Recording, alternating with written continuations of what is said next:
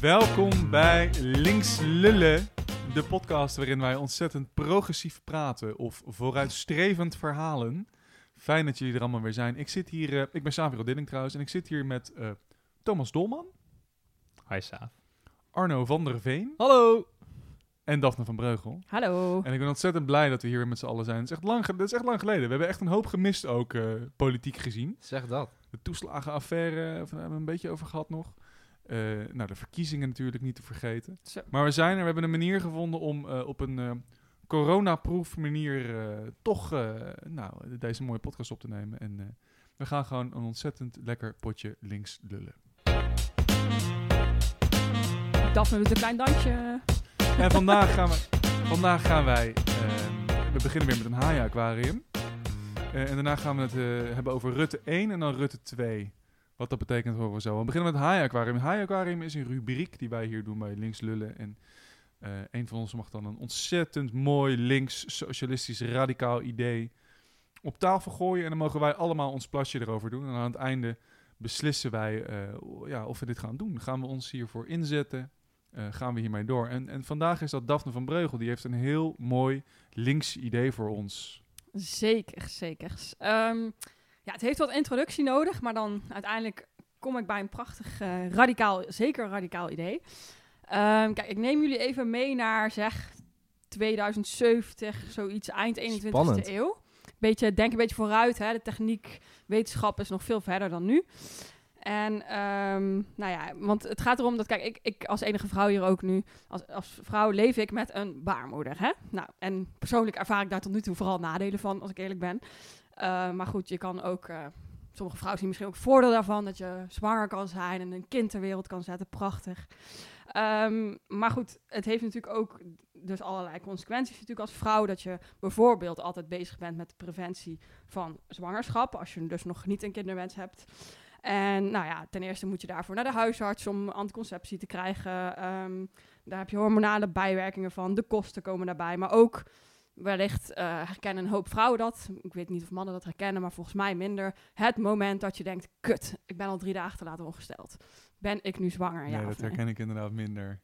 Precies. Nou, volgens mij, ik heb het hier vaker met vriendinnen over, die herkennen dat allemaal. Meermaals heb je dat moment en heel je hoofd gaat al af van wat als ik zwanger ben, wat moet ik dan doen? Nou, dat geeft nogal wat stress natuurlijk. Dan kan ik het ook nog even hebben over zwangerschapsverlof tijdens je carrière. Uit onderzoek komt ook dat dat uh, zeker effect heeft op je carrière. Dat hoe langer je ook verlof neemt, hoe minder promotie, salarisverhoging, et cetera je krijgt als vrouw. Uh, rechten van de mens uh, heeft ook nog Mensenrechtenorganisatie heeft ook gezegd dat in Nederland inderdaad nog steeds nu discriminatie voorkomt. Dat vrouw, vrouwen die zwanger zijn eerder het contract niet wordt verlengd of worden ontslagen, dat soort dingen. Dus dat heeft ook heel veel invloed op je carrière voor vrouwen. En nou ja, maar heb je natuurlijk ook nog het mooie voordeel dat je dus wel een zwangerschap, een kind in je buik kan laten groeien. Nou, ik kan nog niet echt uit ervaring praten, dus ik kan me niet echt voorstellen. Maar er zijn vrouwen die zeggen dat dat prachtig is en dat ze dat niet zouden willen missen. Dus ik dacht, ja, volgens mij wordt het gewoon, is het gewoon, zou het prachtig zijn als we de wetenschap zo ver brengen dat mannen ook een baarmoeder kunnen krijgen. En dan niet eigenlijk kunnen krijgen, dat alle mannen sowieso ook een baarmoeder krijgen. Want dan kunnen we uh, dus wel eerlijk dat gesprek over hebben, over, dus, over kinderen nemen, over de zorg voor kinderen als man en vrouw in een relatie. Uh, want ja, nu komt er sowieso altijd meer bij de vrouw te liggen, omdat je die zwangerschap hebt. En dan kun je echt het gesprek erover hebben, kun je er bewust voor kiezen of de man of vrouw de zwangerschap draagt, bijvoorbeeld. Um, je hebt ook allebei de kans om zwanger te worden, dus je moet allebei nadenken over die preventie, in plaats van dat het nu emotioneel en financieel en alles meer bij de vrouw komt te liggen. En ja, je bent dus allebei verantwoordelijk voor die anticonceptie. En ja, ik dacht gewoon van, zou het mooi zijn als mannen ook dat voordeel kunnen hebben dat ze een mooi kind in hun lichaam kunnen laten groeien. Prachtige ervaring, wellicht ook voor mannen die dat graag willen. En uh, ja, ik zag er een beetje sci-fi voor me dat we gewoon in de toekomst dat kunnen. En uh, ja, wat mij betreft moeten we het dan ook gewoon verplichten voor alle mannen. Is het geen keuze. En um, zodat we gewoon de wereld wat gelijkwaardiger maken. En ja, er is ook al wat onderzoek naar gedaan trouwens. Want ik dacht, hè, kan dit dan wel? Dat klinkt natuurlijk heel raar. Maar in 2018 is al de eerste geboorte ter wereld uh, plaatsgevonden waarbij een vrouw die een baarmoeder getransplanteerd kreeg die niet van haar was dus, al is bevallen. Zo zijn er al meerdere kinderen ter wereld gekomen. En er zijn dus ook bijvoorbeeld transgender vrouwen die graag uh, ook zwanger willen worden en die ervaring van een geboorte en zwangerschap willen hebben.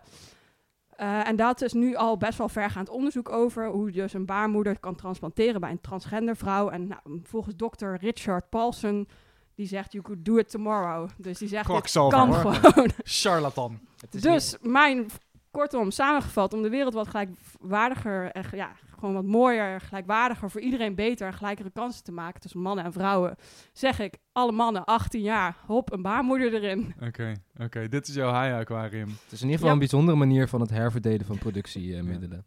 Je hebt ook wel de juiste aflevering uitgekozen, Daf. Om dit eh, twee mannen aan tafel. Je bent de enige vrouw hier. Je zat maar 18 plus, toch? Dus stel, jullie hebben nu allemaal een baarmoeder, elke maand ongesteld. Had ze. Eh, Oké. Eh, leuk. Initieel. leuk. Leuk idee.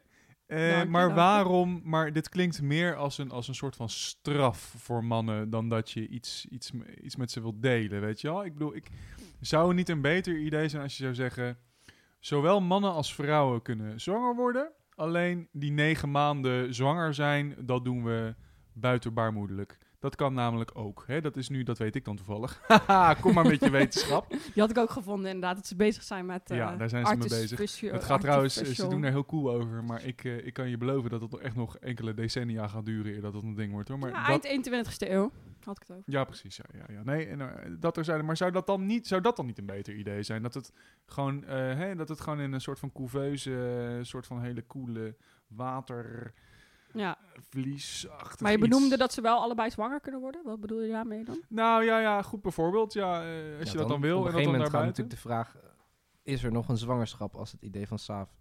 Saaf Ja, dus dat je zwangerschap gewoon bij de man en vrouw eigenlijk allebei weghaalt. Ja, Ja. vind je dat Als dan het niet goed, binnen ben- een lichaam plaatsvindt. Nou ik ja, ben niet maar ja, ik denk niet dat jouw ik toch het Ergens inderdaad vanuit mijn ervaring als vrouw en hoe oneerlijk het, ik het dan vind, dat ik inderdaad die ervaring heb van, oh god, ben ik zwanger of elke maand ongesteld met alles, alles wat daarbij komt kijken, dat ik het gewoon goed zou vinden als mannen dat ook een keer ervaren. Net als bij discriminatie zie je ook, als mensen het zelf ervaren, dat ze het ook, eh, ja, dat ze dan gewoon beter snappen hoe het werkt. En het is niet alleen maar kommer en kwel. Eh, het is ook mooi. En ik heb ook een keer gelezen over cyclus. Dat kan je ook juist als samenleving... Onze samenleving is niet ingesteld op een hormonale cyclus van een vrouw.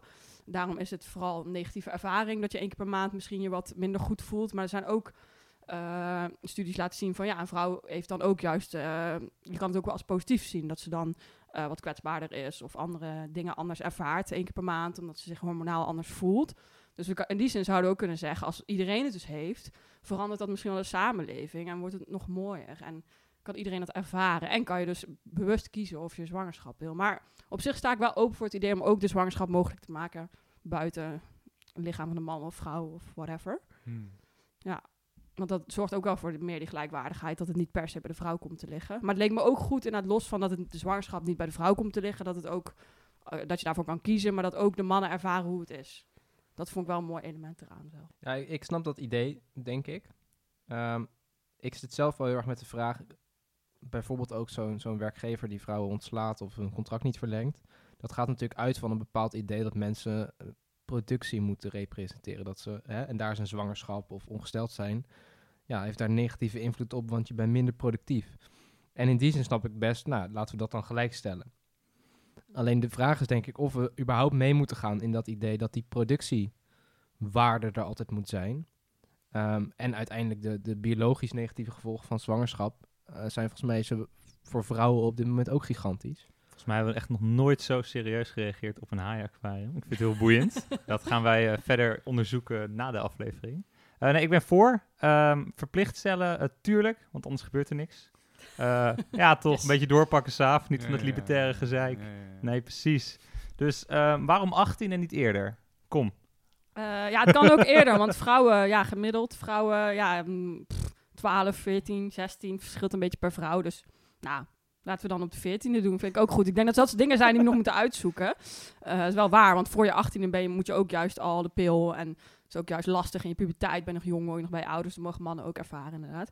Maar wat Arno nog zegt, om daarop terug te komen, ja, terecht punt. En ik denk dat we inderdaad, we moeten natuurlijk niet dat probleem dan daar overheen stappen of zo. Maar ik denk in die zin, dus als je het buiten, wat, eh, waar Saaf het over had, van dat je dan de zwangerschap buiten eh, de vrouw en de man plaatst, dat je dan dat juist risico hebt dat je over die problemen heen stapt en gewoon doorgaat. In plaats van eh, ook die onderliggende problemen. En door die, doordat je dus het allemaal ervaart, ga je misschien juist beter die problemen of moet, moeilijke dingen inzien en daar iets aan veranderen als samenleving. Wellicht. Maar oké, maar zie je dit dan als stap? Want dan, dan, dan kan ik een soort van met je mee. Als het een stap is, ik, eh, om Thomas te ja? vriend te houden. Als het een stap is naar, een- naar, naar, naar wederzijds begrip, dan sure. Weet je, als dat dan ook zo eh, werkt, dan, dan ben ik daarvoor. Maar ik weet niet, ik bespeur gewoon nog een beetje bij jou dat jij ook gewoon van, ja lekker, voel het maar. Hoe vervelend het eigenlijk is. ja, dat is- volgens en mij, dat- eh, dat is volgens mij was dat een andere aflevering waar alle mannen naar de maan geschoten werden. Maar Ja, ja, nee, dit, dat- dit is denk ik het compromis waar we op eh, Nee, nou, maar het komt deels daar wel uit voort dat ik dacht van ja, ervaar het maar eens als man. Want dan leg ik het wel eens uit aan mannen. En dan moet je het en merk je inderdaad van oh ja, als je dat niet ervaart, dan is het best lastig om uit te leggen wat je allemaal als vrouw, ja, waar je allemaal tegenaan loopt, waar je mee te maken krijgt daardoor. Ja, maar maar het is ligt ook dat dus dan- omdat de samenleving Maar ligt niet het op dan aan jouw is. baarmoeder of ligt het dan aan dat die mannen kut zijn? Ja, omdat de samenleving patriarchaal is, dus daar kunnen we het ook nog even over hebben. Maar Gaan we zeker. Daphne, eh, nog een vraag over je idee. Je zegt dus eh, alle mannen eh 18 of een andere leeftijd eh, verplicht een baarmoeder eh te implementeren. Eh, hoe lang blijft de baarmoeder geïmplementeerd? ja, tuurlijk. Ja, ik zat dus wel te denken, misschien kun je inderdaad ook de optie doen. Op zich kan je een baarmoeder ook laten verwijderen. Dat kan een vrouw nu in principe ook doen. Dat gebeurt wel eens als een vrouw bijvoorbeeld eh, baarmoederhalskanker heeft gehad. En nou, moet die wel eens verwijderd worden. Dat is een heftige operatie niet leuk. Volgens mij is ook best vervelend. Daarna kan je best wel klachten daar ook dan van hebben, volgens mij. Eh, maar ik dacht, als dat nou ook allemaal gewoon netjes en fijn kan, dan zou je ook misschien kunnen zeggen gewoon van, nou, je krijgt een baarmoeder, maar ja, je kan hem eruit laten halen als je het vervelend vindt. Ja. Maar in principe gewoon je leven lang, net als een andere vrouw natuurlijk. Maar ook op je verjaardag doen we dit toch? Op de 18e verjaardag. ja, had ze. Gefeliciteerd. Je mag Eén, nu het je mag nu in. drinken, je mag het leger in Precies. en je krijgt een baarmoeder. Ja. Ik vind, eh, ik, ik wil eigenlijk iets, iets voorstellen om toe te voegen. Ik vind dan ook dat... eh, nee, dat is onzin.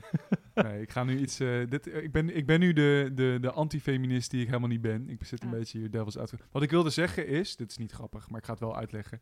Wat ik wilde zeggen is van... Ah, dan wil ik ook dat vrouwen, als ze 14 zijn, steeds onverwachts een erectie krijgen als ze dat eigenlijk niet willen. Want dan kunnen jullie dat... Maar dat is natuurlijk onzin. Ik snap ook echt wel dat, dat die twee dingen niet goed, equivalent zijn. Ja, die zijn... eh, Dat begrijp ik. Ja. Ik ben gewoon aan het stangen hier. Nee, ik vind het een, eh, ik vind het een eh, goed idee. Maar ik ben gewoon eh, benieuwd eh, wat, wat, hoe we de mensheid verder helpen door... Ja, ik weet het niet. Ik, ik, bedoel, ik begrijp dat, jij, dat, je, dat je dat wederzijdse begrip wil. Dat is ook terecht. Weet je wel, dat is ook verdiend. Dat gaat ook verkeerd in de, in de huidige maatschappij. Maar ik, ik, vind het, ik vind het een hele botte manier om dat te bewerkstelligen. ja, maar ik denk als je ziet dat sinds de jaren 70 laatst zocht ik voor de Women's March, waar ik afgelopen eh, maart was, op van ah, wat voor protestbordje ga ik maken. En toen kwam ik leuzen van de Dolomina's tegen. En die zijn gewoon nog steeds van toepassing. Gaat kinderopvang, eh, pil en basispakket, want die is weer uitgehaald. Volgens mij komt die er nu misschien weer in. Ehm, nou, ga zo maar door. En toen dacht ik, ja 21 eh, in Dus daarom moet er gewoon wat lomps gebeuren om, ehm, om dat ook te bewerkstelligen. Om echte verandering te krijgen, denk ik. En ik wil er nog aan toevoegen wel, dat het niet alleen maar is van... oh, dan voelen jullie ook hoe het is. Maar wat ik zei, sommige vrouwen... ik heb zelf die ervaring nog niet gehad... maar dat, je, dat het ook prachtig is om een kind in je op te groeien. Je hoort ook wel eens dat het voor mannen moeilijker is... om een begin een band te krijgen met het kind... omdat het toch negen maanden bij die moeder... dat dat ook wel heel bijzonder is. Dus in die zin wil ik ook dat mannen ook die ervaring kunnen krijgen... als ze dat willen. Ik wil ook Zou even teruggrijpen zijn? naar een, een film uit de jaren 90 met Danny DeVito en Arnold Schwarzenegger. Eh, twee eh, Amerikaanse eh, acteurs. En die hebben precies dit concept eigenlijk in een film eh, gedaan. En eh, daarin In een comedyfilm. in een ja, ja. comedyfilm. Daarin wordt Arnold eh, eh, zwanger. Ik geloof ook van Danny DeVito. Film hem vooral aan. En dan krijgen ze samen een baby. Eh, dus misschien moeten die film eerder samen gaan Die kijken. ga ik zeker kijken, ja. Dus, eh, Ik vrees, jongens, dat het niet, eh, dat dat niet een fijne film is om te kijken tegenwoordig. eh, blij- wat ik dus las, inderdaad, toen ik hier maar eh, wat ja, over op we ging zijn dus zoeken, dat er wel inderdaad best wat sci-fi films, maar dan gaat het vaker inderdaad over de baby in een soort couveuse en een artificial baarmoeder eh, maken, in plaats van bij de mens. Maar ja, ik denk wel dat je dan weer het risico hebt van, oh, dan is er geen zwangerschap, kunnen mensen lekker doorwerken en nog harder werken, en dan, want dat hoeft niet meer in het lichaam te gebeuren en zo. Ik vind het ook interessant, Dus interessant dat- voor eh, mannen die samen een relatie hebben. Die kunnen ook echt daadwerkelijk samen een kind krijgen. Ja. Het biedt echt wel eh, mooie kansen dit. Eh, ik zit helemaal in de positieve hoek hier, merk ik vandaag. Ja, inderdaad, ja. Nou ja, en ergens confronteert het ons ook wel met het, de vorm van het ongemak natuurlijk. Dat, we, dat het best makkelijk is om te zeggen... we moeten op weg naar een manier zonder eh, zwangerschap binnen lichaam.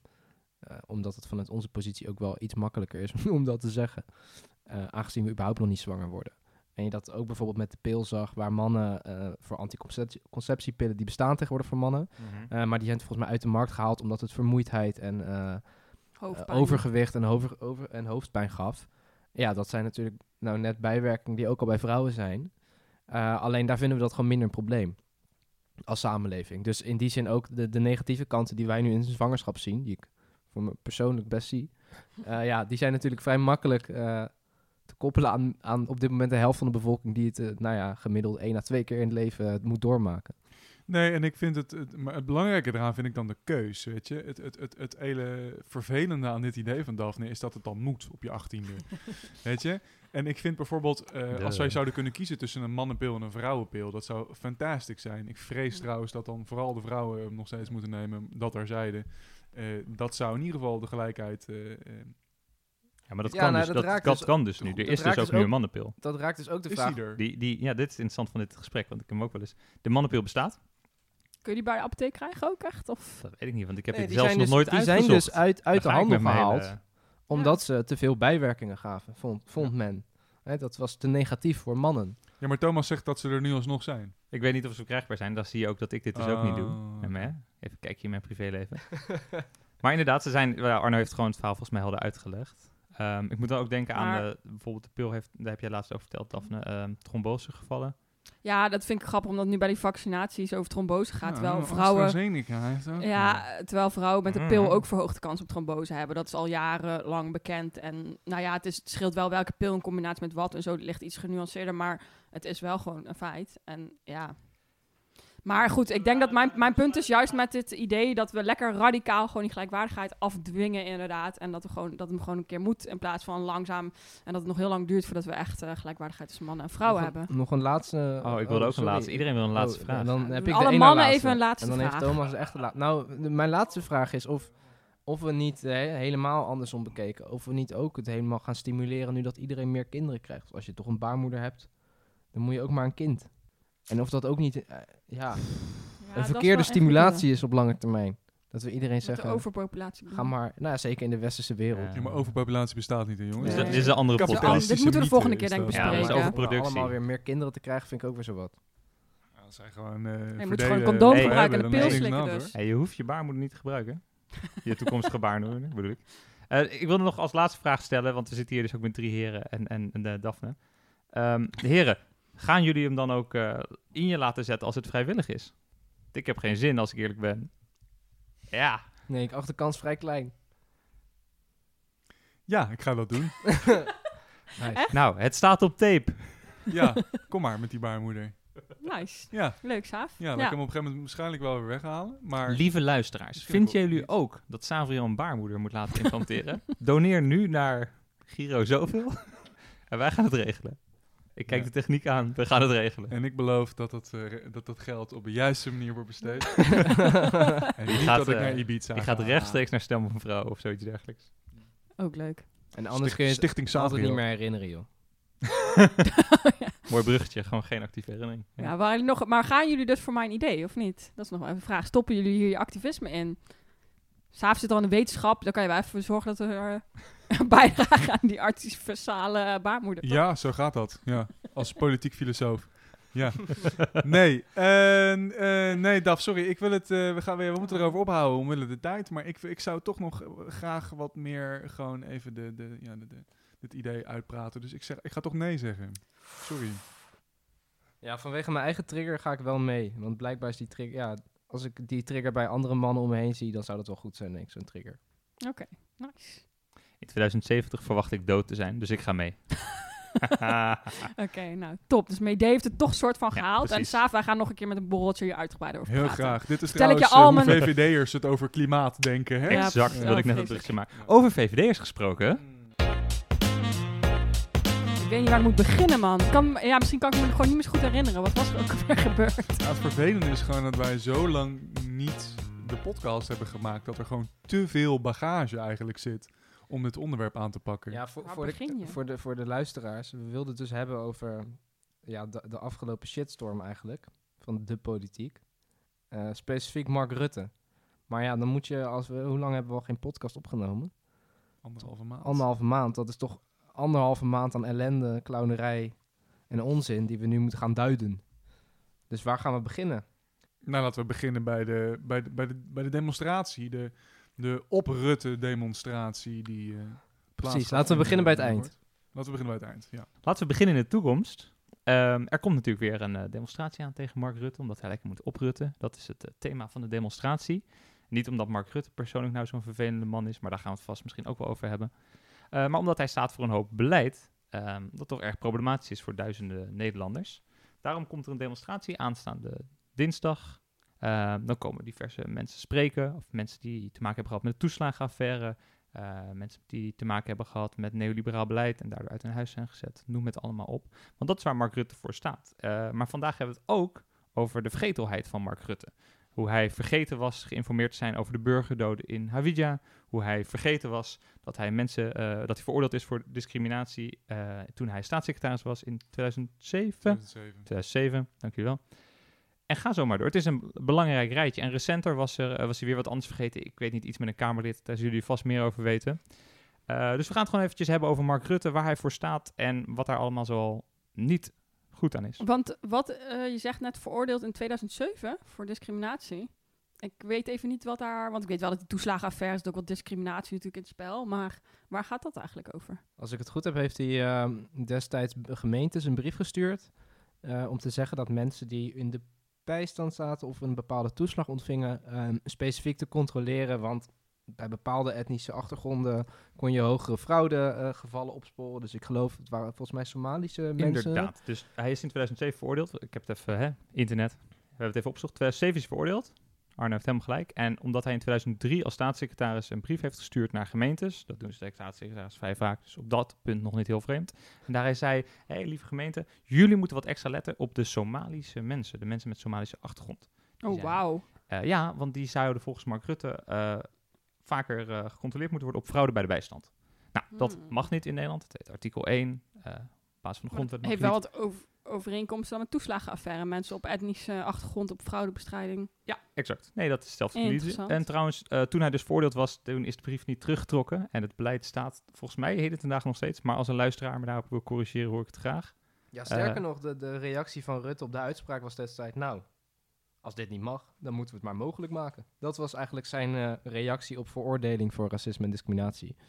Ehm, dus ja, als dat, als dat je manier van reageren is, en ook de afgelopen 15 jaar hebben we in zijn beleid, en ook vanuit steden, komt, nou ja, in Rotterdam heb je de Rotterdamwet, eh daar heb je nu de VVD die eh, Hey, mensen wacht, specifiek wacht, wacht. selecteert. Arno, op, Arno, wat is de Rotterdamwet? Oh, de Rotterdamwet Kennen we in Amsterdam niet, komt er eigenlijk op, op, op neer dat als jij in de stad wil komen wonen, dat je eerst een soort inkomenstoets hebt. En als je niet genoeg verdient om in de stad te mogen wonen, dan heb je pech. Eh, ben je nou met z'n tweeën en je gaat uit elkaar, dan krijg je die toets ook opnieuw. Dus hè, een alleenstaande moeder, nou, daar kan tegenwoordig gezegd, goh, balen zeg dat jij in de bijstand zit. Nu moet je ook nog even naar Brielen. Eh, terwijl je net op een appartement in Rotterdam-Zuid zat met al je kinderen die eh, daar naar school gaan en hun vriendjes en vriendinnetjes hebben. Dan moet je opeens aan brillen, dat gun je natuurlijk niemand. Nee, destijds, tenzij we natuurlijk luisteraars uit Brielen hebben, dan gun ik ze de alles van de wereld. Ehm, maar verder is Brielen niet echt een hele leuke plek, vind ik. Ehm, dus dat hebben we er en dat zie je specifiek op mensen. Eh, nu heb je de, de Rotterdamse VVD, die wil gaan me- selecteren mensen ehm, met een dubbele nationaliteit op vermogen in het buitenland. Je zou daarvan ook kunnen zeggen dat het bij voorbaat al discriminerend en racistisch is. Eh, maar als je dat maar goed genoeg uitlegt en zegt dat het hier echt alleen maar om vermogen gaat, dan hoeft dat allemaal niet meer. En dat is best verdrietig, vind ik altijd. Dit is dus eh, de huidige demissionaire premier. Ja, ik vind dat, ik vind dat toch ik vind dat heel bijzonder. Want ik, ik merk dat om me heen ook, dat iedereen een beetje te neergeslagen is. Tenminste, goed, nou verkeer ik natuurlijk alleen maar in, in linkse en extreem links kringen. Dus hè? zo gaat dat dan. Maar ik, ik, vind het, ik vind het zo bijzonder omdat het ook een persoonlijk iets wordt. En ik wil, ik wil het niet te filosofisch intrekken of insteken jongens. Maar Thomas die zei net van, nou ja, eh, het zal vast een, eh, een, vast een prima vent zijn, maar eh, bla bla bla.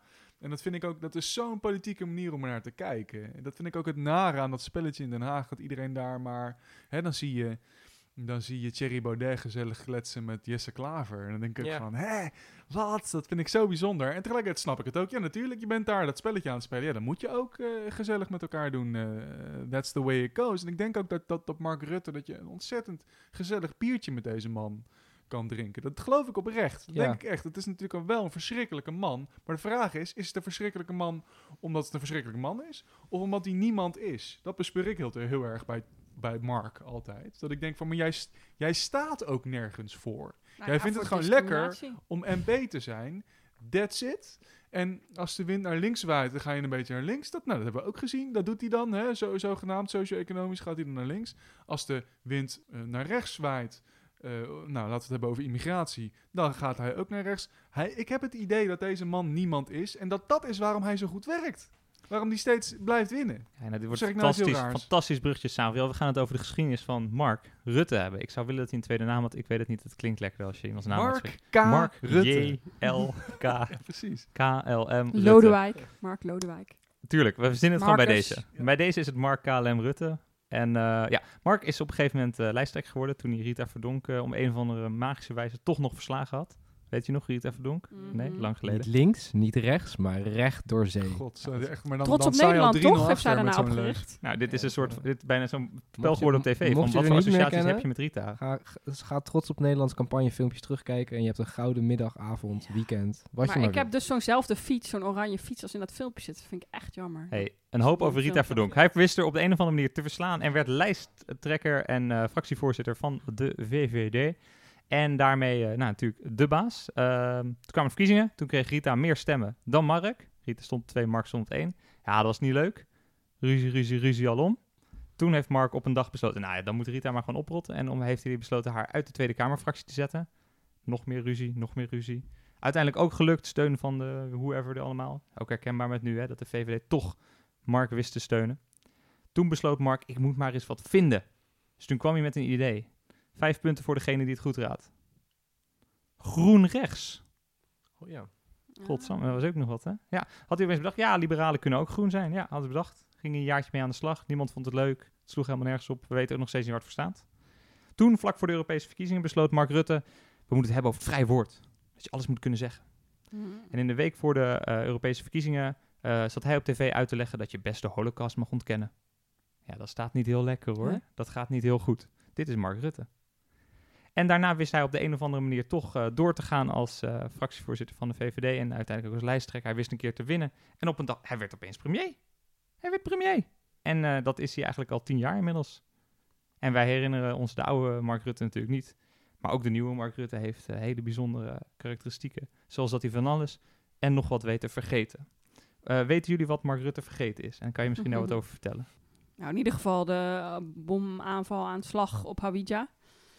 Wat Ehm, is dat? Vertel. Ik weet niet of ik goed genoeg de details weet. Ehm, nou, dat is een aanslag Dat is bij kut. En dan kom je in een podcast en dan Ja. word je gewoon, eh word je Gewoon goed keihard gegild op je kennis door natuurlijk. professor Thomas Dolman. inquisitie, Professor Dr. Dolman. Als je de datum verkeerd hebt. Ja, ik zat even te twijfelen in Irak, maar het is inderdaad in Irak. Ehm is een bomaanslag van, eh, ja, door Nederlandse militairen, waar 70, volgens mij 70, ja, als ik goed heb, 70 burgerdoden zijn gevallen. En ik weet dat dat best wel een discussie was eh, in de Kamer, inderdaad, en dat dat eigenlijk niet, de Kamer daar niet over was ingelicht, als ik het goed heb. En dat dat eigenlijk ook best wel ontkend is dat Nederland gewoon verantwoordelijk is voor deze burgerdoden. En burgerdoden, ja, überhaupt, hè, daar kunnen het ook over hebben, over oorlog en zo. Maar goed, burgerdoden zijn sowieso natuurlijk verkeerd. Dat vinden gelukkig meerdere partijen en, en mensen. Eh, maar daar werd eigenlijk niet de Kamer over ingelicht, volgens mij. Is later boven water gekomen. En Rutte zegt volgens mij dat hij daar niks van weet. Terwijl dan op, uit papieren blijkt dat hij misschien wel van op de hoogte was gebracht. Nou ja, moeilijk, moeilijk. Maar ja, er zijn gewoon wel... En het is nog steeds volgens mij de discussie of Nederland daar dan wat voor moet terug gaan doen. Ja, dat moet betaald worden. Ja, En dus dat is in ieder geval wat ik weet, wat volgens mij eh 1, 2 jaar terug of zo speelde, Hawija. Wat ja, Rutte ja. in ieder geval ontkende dat hij daar iets van wist. En dan ja, dat dat toch wel later bleek, toch wel wat van geweten moest hebben, zeg maar. Zou moeten, mogelijk misschien. Ja. Zeker. Ja, in principe kun je volgens mij stellen dat Mark Rutte alles vergeet wat ingewikkeld is of wat moeilijk is. en waar hij in de problemen komt. Dividendbelasting was die vergeten. Oh ja, dat was met dat briefje. Is die Vertel, wat is hij vergeten bij de dividendbelasting? Er was ook weer wat, hè? En, Er eh, was volgens mij een, een memo waarin eh, Unilever had gezegd dat zij eh, weg zouden gaan als, eh, als de dividendbelasting niet zou worden afgeschaft. En hij had bedacht, eh, tenminste hij had in de Kamer toen destijds volgens mij aangegeven dat het eh, volledig zijn eigen idee was. Dat het iets is wat hij al heel lang voelde dat in alles. van plan was om te doen. En een fantastisch idee en geweldig natuurlijk. Ehm, maar toen bleek toch dat het gewoon een pure chantage was van, eh, van een grote multinational die eh, toch wel met zijn hoofdkantoor ergens anders naartoe ging. Ehm, en dat was hij dan vergeten. En dat is volgens mij gewoon een beetje het probleem met Mark Rutte, dat hij bij alles wat er gebeurt, eh, gewoon in meerderheden telt. En in hele parlementaire meerderheden telt. Verder ook geen reet uitmaakt wat de mensen in het land van vinden. Dat ziet hij aan het eind van de rit wel weer. Eh, en op die manier echt zo'n extreme, ja, Sabri had er een beetje over, zo'n machtspoliticus is. Die het echt allemaal, het zal hem zijn reet roesten. Ja. De VVD is eigenlijk een beetje het Nederlands beleid geworden. En het Nederlands beleid de VVD. Ja. Dus als je daar iets van links of rechts afwijkt, maakt het voor hem ook niet uit. Hij wil gewoon premier blijven. En verder, ik geloof ook best dat hij vaak semantisch gezien niet liegt. Alleen dat is het, het, trieste, dat alles, zowel die memo had hij niet in handen gehad, maar dat lag dan op tafel uiteindelijk. Ja. ja uh, nu is er niet met fractievoorzitter gesproken, maar was hij nog een lijsttrekker. Um, en zo, zo gaan we iedere keer weer. Of ik heb, niet weer, ik heb niet gelogen, want ik ben het oprecht vergeten. En dat heb ik eerlijk gezegd. Dus dat heb ik niet gelogen. Ja, als we, als we überhaupt meegaan in die discussies en meegaan in dat gesprek, dan houdt het al een beetje op. Nee, maar mij. ik vind het, nee, maar ik vind het bijna, bijna nog wat er vergoeilijken wat er, wat er dan gebeurt in de Kamer. Het is. Het is niet, kijk, hij liegt, hè? Hij liegt in ieder geval over dat hij het vergeten was. Want hij is ja. niks vergeten en dat doet hij altijd. Hij liegt de Kamer weet dat hij liegt. Hij weet dat de Kamer weet dat hij weet dat hij liegt. En toch doen we dat spelletje. Het is liberalisme ten top. Het heeft niks met inhoud te maken. Het is puur procedure. En, dat vind ik het droevige aan dit. Weet je, alles wat deze man heeft geflikt in de afgelopen tien jaar. Verschrikkelijk, uh, tienduizenden levens kapot gemaakt. Nou, uiteindelijk wel meer natuurlijk als je economisch beleid meetelt. Dat terzijde. Deze man heeft zoveel schade berokkend. En als hij nu hier aan onderdoor gaat, dan gaan die, gaat hij onderdoor aan het, het kleinste, het kutste, het meest minuscule dingetje. En dat, dat is het classic maar, representatieve democratie gewoon. Sabriel, voor, de, voor, de drie, voor de drie luisteraars die onder een steen hebben gelegen de afgelopen weken, waar, wat is nu het kleinste, minuscuulste uh, rotdingetje dat je net noemt, waar hij dan aan stuk aan gaat? Ja, de, de omzichtaffaire en het, uh, wat was het, uh, functie elders. Uh, ik vind het inderdaad, ik ben het helemaal eens met Sabriel. Ik vond het gewoon echt tegenkommend hoe dan voor mij komt dit toch echt over een soort van politiek spelletje. En dan denk ik, ja... Want dat is het. We weten toch dat dit zo gaat. Deels het is heel erg dat het zo gaat. En dan moeten we zeker wat tegen doen. Maar al die mensen van de toeslagenaffaire... die gewoon hun leven verwoest zijn en zo. En toen mocht hij gewoon blijven. Of ja, is hij opgestapt met zijn kabinet... en werd hij alsnog... Uh, is hij de grootste partij geworden van Nederland daarna weer, weet je. Ja. En het dan, raar vinden. en het dan raar vinden dat mensen vertrouwen in de politiek verliezen. En het dan raar vinden dat mensen FVD stemmen, weet je wel? Ja, sorry. Ik, ik, ik, ik bedoel niet dat ik uh, mensen die een FVD stemmen nou uh, een warm hart toedragen uh, tegenovergestelde. Maar ja, ik wil, ik wil er gebeurt. Het is gewoon, het is gewoon een poppenkast. Dit is letterlijk, het is de uitholling van, van de politiek. Het heeft helemaal niks met volksvertegenwoordiging te maken. Nee, eens. Maar wat je natuurlijk wel altijd hebt gezien is dat wat er nu naar buiten komt, ook over omzicht, dat maakt mij eerlijk gezegd, ja, dat verbaast me ook niet zo erg. Dat er nu een premier zit die zegt, nou, een kritisch Kamerlid van een coalitiepartij, die is moeilijk, dus daar moeten we wat mee. Dat is volgens mij niet zo heel gek. Maar wat het achterliggende probleem is, dat je die verkenners vanaf dag één ziet, als zijnde uh, VVD-verkenners, eigenlijk allebei hoe zich opstellen, die bezig zijn met hoe kunnen we de VVD met D66, met CDA, met z'n drie laten doorgaan en verder doen alsof er niks aan de hand is. En we weten eigenlijk allemaal dat het zo gaat in onze onderbuik of wat dan ook. Maar de eerste keer dat het nu zo flat out op tafel ligt. En daarom denk ik dat het goed is om er wel een groot ding van te maken. Omdat, hoe, hoe bizar dan ook, maar hoe vaak ik nog in mijn eigen omgeving van mensen hoor, ja, maar het zal toch allemaal wel goed zijn. En ja, weet je, het is toch allemaal wel gewoon zo bedoeld. Misschien is dit ook een mooi punt voor de transitie naar... Eh, want hè, Mark Rutte 1, alle punten vond gewoon Mark Rutte. Maar dit is natuurlijk ook Mark Rutte 2. Het is een systeem, daar begint Arno al een beetje over. Een systeem dat in stand wordt gehouden door partijen die zeggen... Nou ja, oké, dit is hoe het gaat, dit is hoe we het doen. Zo willen we eigenlijk wel doorgaan. Ehm, hoe komt dat volgens jullie tot stand en wat vinden we daarvan? Nou, mag ik eh, denk ik een, mijn opmerking kan ook een bruggetje in zijn. Ik wil wel even op Arno reageren. Ik denk dat het hier helemaal niet over gaat. Het gaat helemaal niet over die onderliggende hè, problematiek met verkenners. Wat ik met je eens ben dat er is hoor, daar heb je gewoon helemaal gelijk in. Maar dat is niet waar het over gaat. waar het over gaat is dat uh, de wolven die daar staan, die hebben nu bloed geroken. Die hebben een kans gezien. Die willen Mark weg hebben. Terecht. Overigens zullen ze hem niet weg hebben omdat hij uh, politiek inhoudelijk uh, slecht is. Maar omdat, uh, omdat ze die kans nu zien.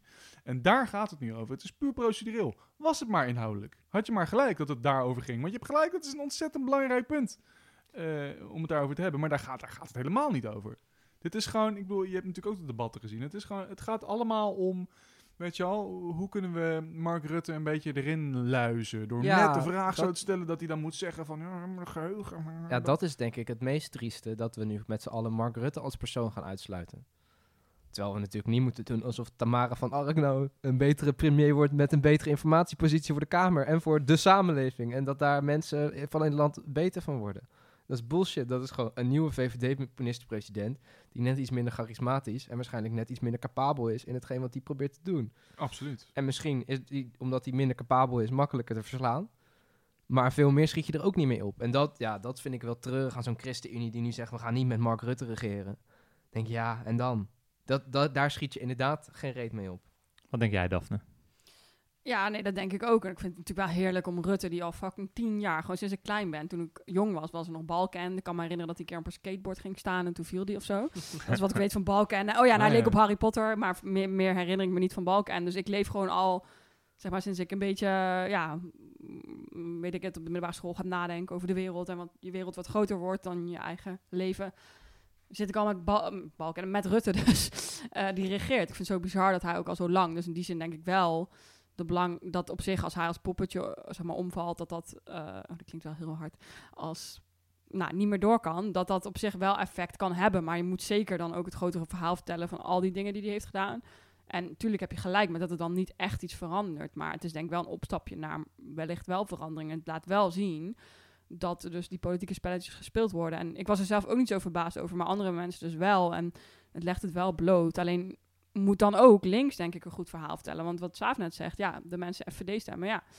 Baudet heeft het over, hoe heet het, partijkartel of zo. Het eh, partijkartel. Ja. ja, en ik denk dat links ook wel echt gewoon hier hard op moet gaan en dat grotere verhaal moet vertellen. Wat ze toch helaas deze campagne. Want ja, we zitten hier nu allemaal te zeggen hoe slecht Rutte het heeft gedaan en wat hij allemaal verkeerd doet en hoe mensen er slechter van zijn geworden. Maar ja, hij is wel weer de grootste partij van Nederland en heeft niet echt verloren. Dus daar gaat ook iets niet goed, weet je wel. Dus daar moeten we ook breder zelf ook naar kijken, denk ik. Van hoe gaan wij dat verhaal dan vertellen als links? Want ja, inderdaad, als hij nu omvalt en verandert verder niks. En mensen blijven nog steeds rechts of D66 ook stemmen, die natuurlijk gewoon VVD-beleid ook uitvoert. Dan schieten we inderdaad niks op. Dus daar ligt ook een taak aan ons. Wat we ook al doen in deze podcast, door even op te sommen wat Rutte allemaal verkeerd doet. Wat, uh, wij zijn de revolutie. Maar ja, dat is wel belangrijk, ja. Nee, ik merk ook wel dat, en ik, ik denk dat Daphne daar ook wel gelijk in heeft, dat je nu wel ook ziet uh, dat er steeds meer mensen daar aan beginnen te twijfelen. Dat er een soort vaag, niet een machtsvacuum ontstaat, maar dat, nou ja, als Rutte het niet meer doet, dan weten we het met z'n allen ook niet meer wat het alternatief gaat worden. En dat er ook wel steeds meer in de samenleving een gevoel komt, waar, waar, ben, ik, waar ben ik in beland? En dat hadden, denk ik, in Amerika hebben die mensen dat al wat eerder meegemaakt met Donald Trump als, als president. Dan heb je al wat eerder het gevoel, waar ben ik nog, is, is de overheid nog wel uh, de grote lieve persoon die, waar we altijd op kunnen vertrouwen? En dat zien we nu ook wel met een Tweede Kamer, waarvan we toch langzaam kunnen afvragen, is dat nou daadwerkelijk, ik zou er wel het antwoord op weten, maar is dat nou een democratisch geheel? Waar we controle op hebben met z'n allen? Of legitimeert het in feite uh, de samenleving waarin we leven? Met de multinationals en, en de SER en alle economische tafels uh, met de werkelijke macht. Is dit onze tegen-democratie-podcast geworden? Ja, die Oh, ja. representatieve democratie. Mensen worden verkozen, vier jaar zitten ze er. En dan kunnen ze met z'n 150 een meerderheid van 76 personen zoeken. En dan maakt het eigenlijk niet zo heel veel meer uit hoeveel mensen op het Malieveld staan. Is dat het punt dat we vandaag gaan maken? Nou, dat is het punt dat ik zou maken. Maar volgens mij is dat het punt wat ik altijd maak ook. Ja, dat zeg dus dat, wel is vaker, niet, uh, ja. dat is niet heel nieuw uh, voor nee, mij maar te zeker vanuit een... Ik, ik begrijp het, het sociaal-democratisch oogpunt... waarin je zegt, er moet ook, ook direct verbetering voor, voor mensen... Moet je voor elkaar krijgen. Alleen, ik denk wel dat we ook moeten zien... dat dat allereerst niet, is, niet echt is gelukt in de afgelopen 30, 40 jaar. En we ook het middel als parlement moeten gebruiken om te laten zien hoe idioot het eigenlijk is. Dus iets minder het idee of de illusie wekken dat we daadwerkelijk die verbetering gaan hebben. Want of je nou groot of klein wordt in de afgelopen 30 jaar als links, maakt echt geen reet uit. Gaat toch wel naar beneden. Ik vind het eigenlijk altijd heel schokkend als je kijkt naar opiniepeilingen. En dat zijn ook niet de waarheid van alles en iedereen, maar ik vind het wel altijd heel interessant. Hoeveel mensen dan voor maatregelen zijn die er niet zijn. Dus Nederlanders in het algemeen zijn economisch links, hè, lagere AOW, hogere belastingen voor de rijken, hoger minimumloon, de riedel. En ze zijn cultureel conservatief. En eigenlijk allebei die dingen krijgen ze niet. Dit is het gemiddelde, dus niet iedereen is dat. Er zijn heel veel links-progressieve mensen, rechts-conservatief, rechts-progressief, klein clubje, maar ze zijn er ook. Ja, maar op zich is het opvallend dat als 80% van de Nederlanders een hogere belasting wil op mensen die meer dan 150.000 per jaar verdienen, dat het er in onze oorleving en in, als je naar de Tweede Kamer kijkt, echt nooit gaat komen. Maar het, is gewoon, het heeft met schaal te maken. Kijk, het probleem Schaal. Met, de, met de schaal, SCH. Het probleem met de representatieve democratie is dat, is dat het niet representatief is. Weet je wel? Uiteindelijk is dat wat er gebeurt. Het is, een, het is een beauty contest. Dat is wat er gebeurt. Mensen die zijn ongeïnformeerd en dat kan je ze niet kwalijk nemen. Want ja, sorry jongens, ik weet ook niet of eh, Oekraïne moet eh, met de Europa. Het was een paar jaar terug het, het referendum. Ja. Know. associatieverdrag en een A4'tje, weet Of wij zo. veel. Ja, jongens, ik weet het niet, hè? En ik ben echt best wel een slimme gast. Jij weet best veel Ik weet best veel. Over wijn. Over wijn. Ik weet heel... Nee, maar snap ik bedoel? Ik, Ja. Er zijn bepaalde, er worden vragen aan mensen gesteld en dan is het zo van, ja, maar de kiezer is ongeïnformeerd. Ja, hè, hè, want je bent fucking 50 uur per week ben je aan het werk.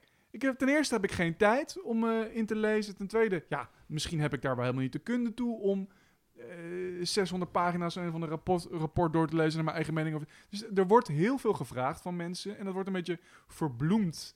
Eh, eh, weet je wel, met, met, met de droom van de representatieve democratie. Van, oh ja, zij maken die beslissingen dan voor jou. Ja, Maar, vind uiteindelijk wat er dan gebeurt is democratie is elke vier jaar druk jij op een knopje, that's it. Dit en is, voor dit is mij per ongeluk heeft dat niks met eh, democratie te is maken. Ja, ik per vind het ook- ongeluk Samuel's pleidooi voor een verlicht despoot dat ons eh, gaat leiden, toch? Nou, heb je, Ja. Maar vind ook dat er allemaal beloftes worden gema- gemaakt door politici en die niet worden waargekomen. En daar is Rutte, heeft Rutte natuurlijk ook een handje van. Dat je inderdaad dingen zegt, wat jij net zegt. Ja, duizend euro. Ehm, maar wat je net zegt van dat, ehm, dat het gewoon, ja, dat links, eh, uit opinie blijkt dat links econom, of eh, Nederland economisch links is.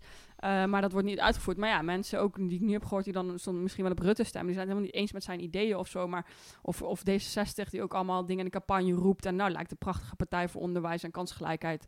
Maar ja, daar denk ik dan wel weer anders over naar als je ziet wat ze doen in de praktijk. Ehm, omdat ze gewoon VVD-beleid natuurlijk ook uitvoeren. Maar ja, en dat vind ik zelf dan heel tenenkrommend dat daar niet... Kijk, dat kan gebeuren dat een politicus natuurlijk dingen belooft en die niet waarmaakt. Maar dan zou je dan een democratisch systeem dus moeten hebben... dat je dus in de Kamer daarvoor verantwoord wordt... of er dus in de verkiezingen op afgestraft wordt. En, maar volgens mij werkt dat niet echt goed of zo, denk zijn, ik. zijn eh, hele wijze hoogleraren en eh, politieke mensen met je eens Oh. die daar onderzoek naar doen. Dus die Kijk. zijn het met je eens. Dus goed Yes. dat jij het gezegd hebt. Ja, dan Nu vind is ik het ook. Ja, precies. Dan heb je gelijk. Top. Klaar. ja, en je ziet denk Einde aflevering. Einde aflevering, nice. Nee. Je ziet ook wel met hè, Rutte, het wordt heel erg verweten. Het maakt niet uit wat hij zegt in het debat. Ook al eh, gaat hij op zijn kop staan en dan draait hij daarna drie rondjes. Aan het eind heb je een coalitie en die stemt mee. En dat is het gewoon. En dat wordt Rutte verweten. Terwijl, ik, ik- jullie hebben misschien eh, ook de mensen thuis wel eens een keer live een gemeenteraadsding meegemaakt. Omdat er iets in je wijk gebeurde waar je het niet mee oneens was. Het gemiddelde debat is daar van bedroevend laag niveau. Met een wethouder van bedroevend laag niveau. Die op geen enkele manier eruit komt. Maar die gewoon weet, ja, ik heb een, ik heb een college en daar zitten een paar partijen bij. En die gaan aan het eind van deze vergadering meestemmen. En dan zitten er 200 man op de publieke tribune. En dan zitten er 10 journalisten bij. Dus dat hele idee van eh, elke vier jaar even met, met een aantal partijtjes een, eh, een programmaatje uitschrijven. En dat vier jaar lang uitvoeren. En als er wat tussendoor gebeurt, dan gaan we dat ook met, met een paar in een achterkamertje bespreken. Ja, die, die hele raad en, en de Tweede Kamer is in die zin ja, in 99% van de gevallen een grote grap. Waar je gewoon een poppenkastje zit te spelen. Dus ik, ja, ik zou er best wel eens voor pleiten om gewoon ook 99% van de gevallen er ook niet te zijn. En te zeggen, ja jongens, veel plezier. Ik ga wat anders doen met mijn leven. Tot, tot de volgende keer. Ik zou dat echt een toevoeging vinden. Als we toch met z'n allen... Ik hoorde na de verkiezingsdag, hoorde je Maurice de Hond. Fucking Maurice de Hond, hè. Op de tv praten over dat het revolutionaire tijden waren en het systeem instortte. Nou, als je Maurice de Hond revolutionaire taal hoort uitslaan, hij neemt dan wel een paar rare afslagen. Maar dat zijn wel dat je denkt, nou, er gebeurt wat. En zelfs Maurice de Hond, die toch zijn, zijn hele, hele leven hangt samen met opiniepeilingen in het parlementaire denken. En Mhm. ineens denkt hij, goh, misschien lukt het überhaupt wel niet, dat hele parlementaire denken. Misschien moeten we wel de hele Tweede Kamer op een andere manier inrichten of afschaffen. Ja, ik vind het lekker, maar ik ben gewoon niet zo optimistisch hierover. Ik denk ook dat een heel groot deel van waarom Maurice de Hond, fucking Maurice de Hond dit zegt, is omdat het gewoon lekker scoort. Weet je, wij vinden het is ook gewoon lekker. Ja, Ook maar dat voor is- ons, hè. Wij zitten Ja. lekker NMS te kijken en lekker, oh ja, het gaat allemaal alles mis, oh heerlijk. Maar ik, echt, ik heb er bijna geld op dat wij de volgende podcast, dan hebben we gewoon nog steeds Mark Rutte als premier. Er wordt nog steeds de poppenkast gespeeld in de Tweede Kamer. En Dit, er dit is een leuke veranderd. vraag om even aan de kijkers... Ja, ik wilde net eh, zeggen, luisteraars, wie wil deze weddenschap aangaan? Ja. Met Savriel. Er kan geld verdiend worden. De volgende podcastaflevering zit Rutte nog of zit Rutte dan niet meer? Dat is de vraag. Die gaan we op de Instagram stellen. Ja, goed. ja, Geen ja, idee. ja. Maar eerlijk gezegd, ja, dat interesseert me Maar dan maakt dus het ook uit? oprecht niet. Of Rutte er nog zit. Wat me wel interesseert is dat ik steeds meer mensen zie, en blijkbaar scoort dat, maar dat is ook nieuw, dat, dat er daadwerkelijk een soort revolutionair gevoel is. En dat is nog heel pril en er zijn nog heel weinig eh, daadwerkelijke alternatieven. Maar er is een groeiende groep mensen die zich op geen enkele manier herkent in tv kijken. En, en het nieuws zien van de serieuze mensen, om het zo maar te zeggen. Mhm. Die herkennen zich op geen enkele manier in dat leven. En dat vind ik wel mooi om te zien.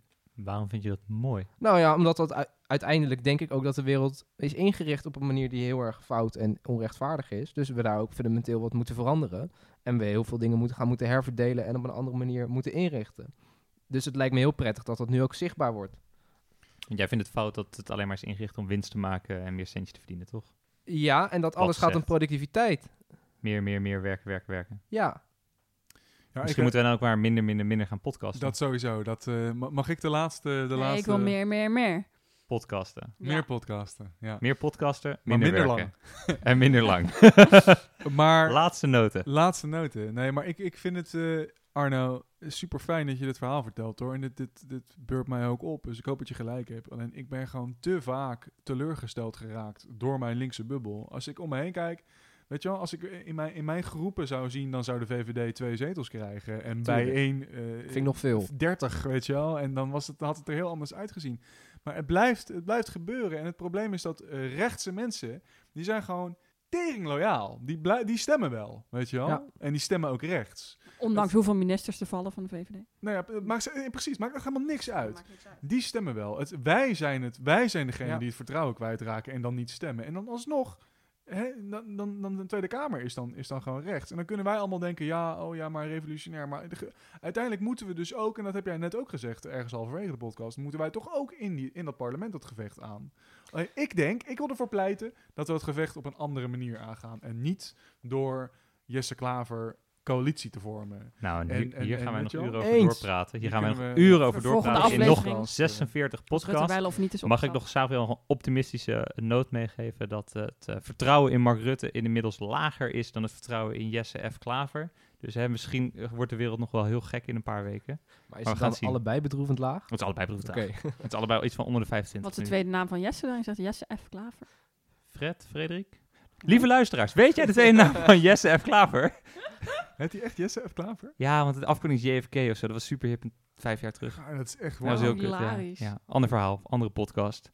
Hebben we een outro? Bedankt Ja, voor het nou luisteren. Lieve, ja, jongens, lieve luisteraars, eh, fijn dat jullie er weer waren bij deze chaotische podcast na anderhalve maand. Ik ben heel blij dat we er weer Anarchistische zijn. Podcast. Een wat? Anarchistische, Anarchistische podcast. Ik ben erg blij dat jullie Met er weer waren. Eh, wat zeg je altijd, Thomas? Houdoe. Eh de vriendelijke groeten. Like, subscribe en meer van dat soort, dat soort onzin. Juist. En tot Check snel weer. Insta. Oké, doei. Doei doei. Doei Doei.